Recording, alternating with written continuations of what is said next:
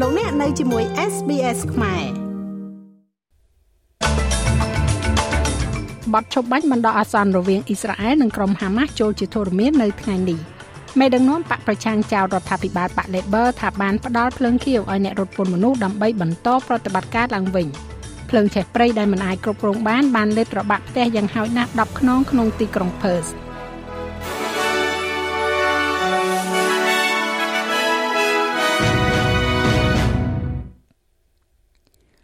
បទឈប់បាញ់បណ្ដោះអាសន្នរវាងអ៊ីស្រាអែលនិងក្រុមហាម៉ាស់នឹងចូលជាធរមាននៅរសៀលនេះនៅម៉ោង4ល្ងាចម៉ោងស្តង់ដាអូស្ត្រាលីខាងកើតត្រូវនឹងម៉ោង7ព្រឹកថ្ងៃសុក្រម៉ោងនៅអ៊ីស្រាអែលនិងកាហ្សា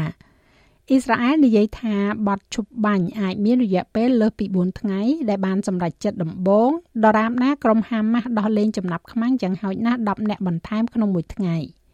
ភាគីទាំងសងខាងបាននិយាយថានឹងវិលទៅរកការប្រយុទ្ធគ្នាវិញ នៅពេលដែលបទឈប់បាញ់ជាបណ្ដោះអាសន្ននេះត្រូវបានបញ្ចប់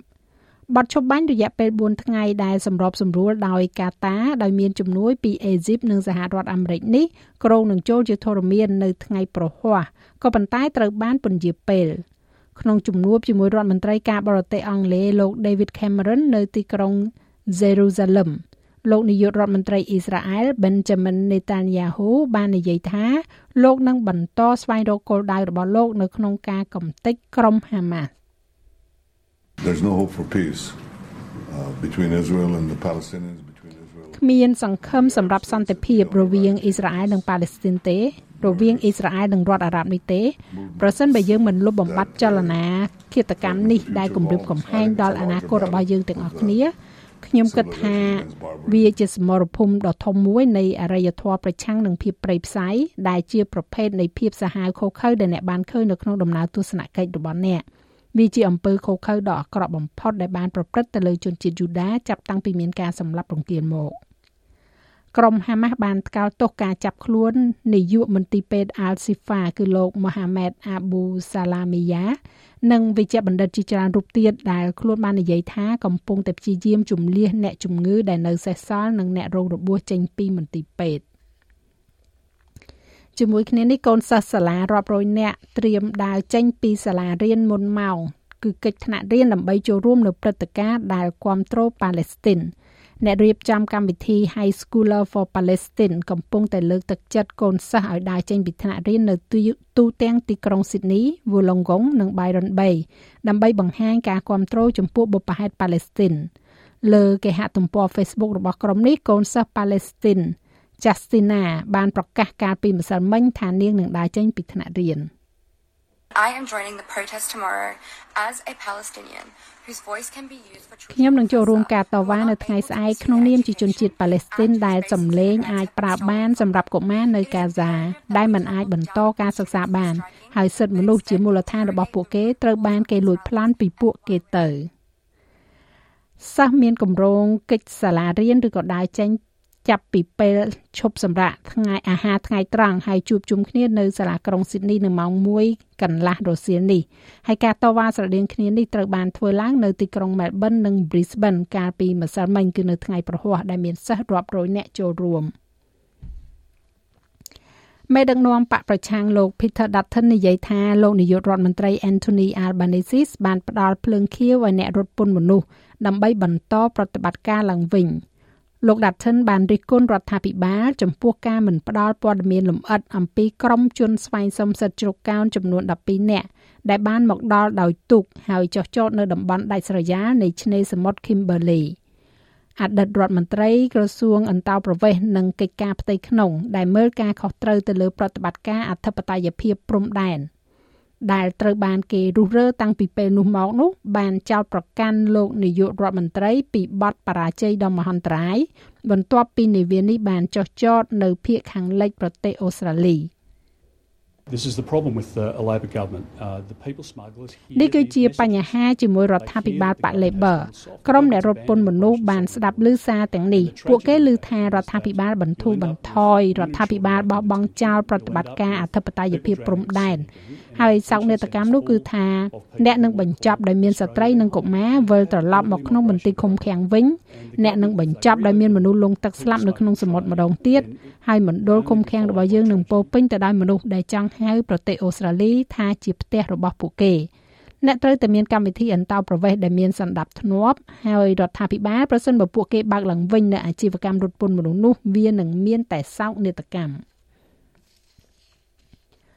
ក្រុមគ្រួសារដែលមានប្រាក់ចំណូលទាបភាគច្រើនអាចទទួលបាននៅសេវាថែទាំកូនឬហៅថា Child Care និងសិក្សាថ្នាក់ដំបូងដោយមិនចាំបាច់ចំណាយប្រាក់បន្ថែមប្រសិនបើរដ្ឋាភិបាលទទួលយកនៅអនុសាសន៍ដែលថាកុមារទាំងអស់ចាប់ពីកំណើតដល់អាយុ5ឆ្នាំទទួលបាននៅសេវាកម្មដែលមានគុណភាពខ្ពស់របាយការណ៍ព្រៀងមួយពីគណៈកម្មការផលិតភាពបានរកឃើញថាកុមារដែលចូលរៀនថ្នាក់មត្តេយ្យនិងសេវាមើលថែទាំកុមារតូចតូច ECEC ធ្វើបានល្អប្រសើរនៅសាលារៀននិងនៅពេលក្រោយក្នុងជីវិតរបស់ពួកគេ។ ប៉ុន្តែការកើនឡើងនៃតម្រូវការនៅក្នុងវិស័យដែលខ្វះខាតបុគ្គលិកជាយូរមកហើយនេះមានន័យថាការថែទាំកុមារជាសកលមិនអាចសម្រេចបានឡើយបើគ្មានការដោះស្រាយបញ្ហាកង្វះកម្លាំងពលកម្មជាមុននោះ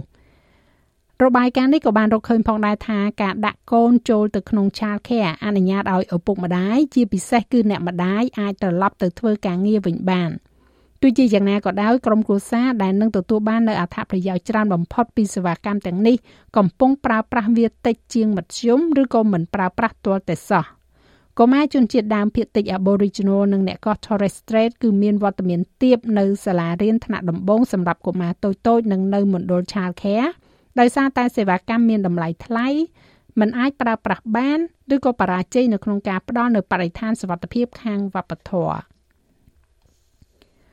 ភ្លើងឆេះព្រៃដែលមិនអាចគ្រប់គ្រងបានដែលបានលេបត្របោកផ្ទះយ៉ាងហោចណាស់10ខ្នងនៅទីក្រុងផឺតបានធូរស្រាលមួយផ្នែកហើយសម្រាប់ពេលនេះអាញាធរបានប្រមានការប្រយុទ្ធមិញថាខ្យល់បក់ខ្លាំងនិងសីតុណ្ហភាពខ្ពស់មានន័យថាវាអាចត្រូវការពេលប្រមាណថ្ងៃទៀតមុនពេលដែលក្រុមពន្លត់អគិភ័យអាចគ្រប់គ្រងភ្លើងនេះបានបន្ទាប់ពីវាបានបំផ្លិចបំផ្លាញទ្រព្យសម្បត្តិផ្ទះសម្បែងនៅក្នុងតំបន់ពាក់កណ្ដាលជនបទនេះនិងគម្រាមកំហែងដល់ផ្ទះសម្បែងផ្សេងទៀត។ វាយឺតពេលហើយកាលពីថ្ងៃប្រហ័សសម្រាប់មនុស្សជាច្រើននៅក្នុងការចាកចេញពីតំបន់ជីក្រុងចំនួន8ក្នុងទីក្រុង Wanneroo និងទីក្រុង Swan នៅភាគឦសាននៃទីក្រុង Perth ទោះយ៉ាងណាក៏ដោយគិតត្រឹមម៉ោង7ព្រឹកម៉ោងក្នុងតំបន់កាលពីព្រឹកមិញនេះតំបន់ចំនួន4នៃតំបន់ទាំងនោះលែងស្ថិតក្រោមការព្រមានគ្រោះអាសន្នទៀតហើយ។ អ្នកត្រួតពិនិត្យឧបទ្ទហេតុ DFES គឺលោក Scott Harris បានប្រាប់ ABC ថានោះដោយសារតែមានខ្យល់តិចនិងសំណើមនៅក្នុងបរិយាកាសខ្ពស់ ភ្លើងនៅតែមិនអាចគ្រប់គ្រងនិងទប់ស្កាត់បាននៅឡើយទេ ហើយវានៅតែជាហានិភ័យសម្រាប់សហគមន៍នេះមានលក្ខខណ្ឌអំណោយផលពេញមួយយប់ចំពោះខ្យល់បក់ស្រាលហើយយើងស្ថិតក្នុងបរិយាកាសសំណើមខ្ពស់ដែលមានន័យថាយើងអាចកាត់បន្ថយការប្រមានមួយចំនួនបានហើយប៉ុន្តែវាជារឿងសំខាន់ដែលសមាជិកសហគមន៍ត្រូវតែប្រុងប្រយ័ត្នហើយចូលទៅ emergency WA ដើម្បីពិនិត្យមើលថាតើព្រំដែនភ្លើងឆេះទាំងនោះនៅទីណាហើយត្រូវតែប្រកាសពីព្រោះលក្ខខណ្ឌអាចផ្លាស់ប្ដូរបានគ្រប់ពេលអ្នកពន្លត់អគិភ័យជាង150នាក់បានធ្វើការពេញមួយយប់កាលពីថ្ងៃពុធដើម្បីជួយសង្គ្រោះផ្ទះសម្បែងជាច្រើនខ្នងនៅពេលដែលអណ្ដាតភ្លើងដ៏ធំបានឆាបឆេះនៅក្នុងចំការស្រល់នៅ Ngagara បានបង្ខំឲ្យមនុស្សរាប់រយគ្រួសារជម្លៀសចេញ។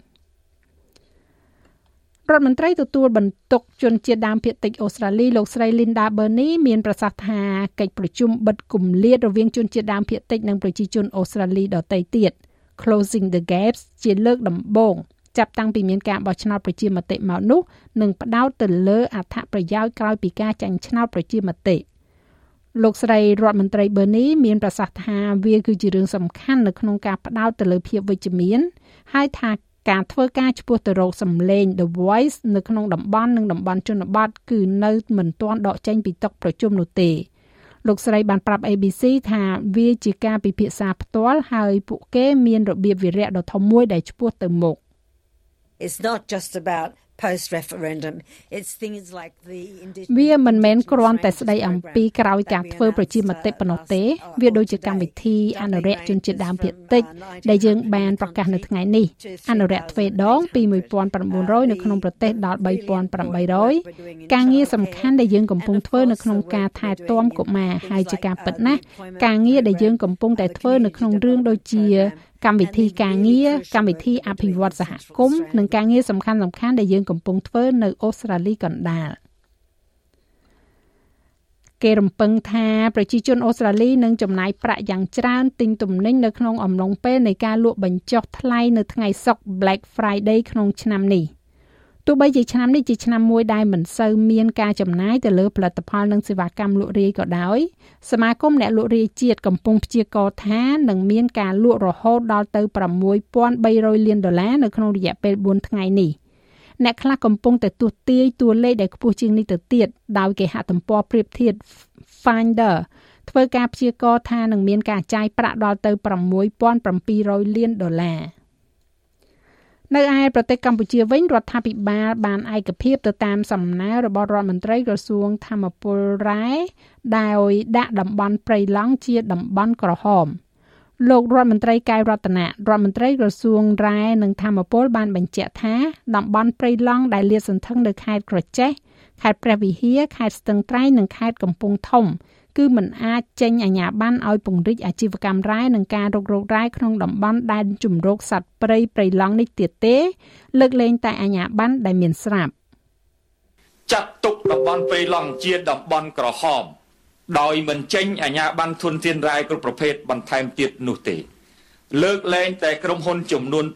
2ដែលមានគោលការណ៍អនុញ្ញាតពីអាណត្តិពីមុនមក ចាស់លោកមេងផល្លានឹងជួនសេចក្តីរាយការណ៍លំអិតនៅវគ្គក្រោយជាបន្តទៀតឬក៏លោកអ្នកអាចចូលស្ដាប់របាយការណ៍ពេញលើគេហទំព័រ sbs.com.au/ ខ្មែរ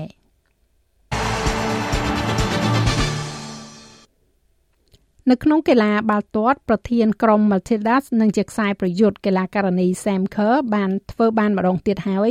ដែលលើកនេះជួយឲ្យ Chelsea ទទួលជ័យជំនះ3ទល់នឹង1ទៅលើក្រុម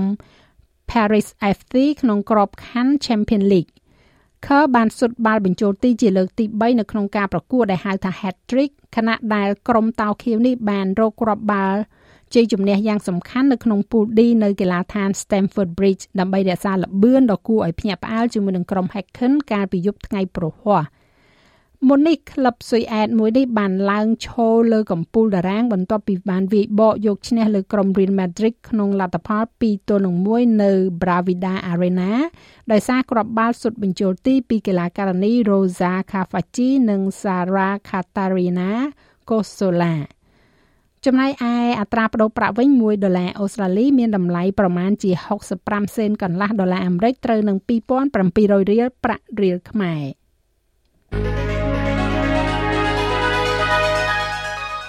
យើងក៏លេខមើលការព្យាករណ៍អាកាសធាតុសម្រាប់ថ្ងៃសៅរ៍ស្អែកនេះវិញទីក្រុងផឺតភាគច្រើនបើកថ្ងៃ39អង្សាអាដាលេដរលឹម20អង្សាមែលប៊នរលឹមអាចនឹងមានព្យុះ27អង្សា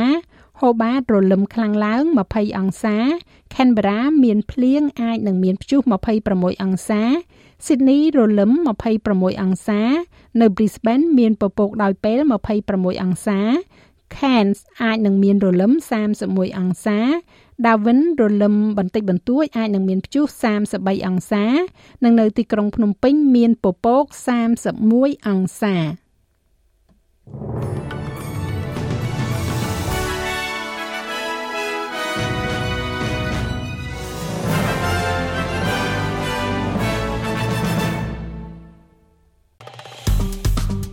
ចុច like share comment និង follow SPS ខ្មែរនៅលើ Facebook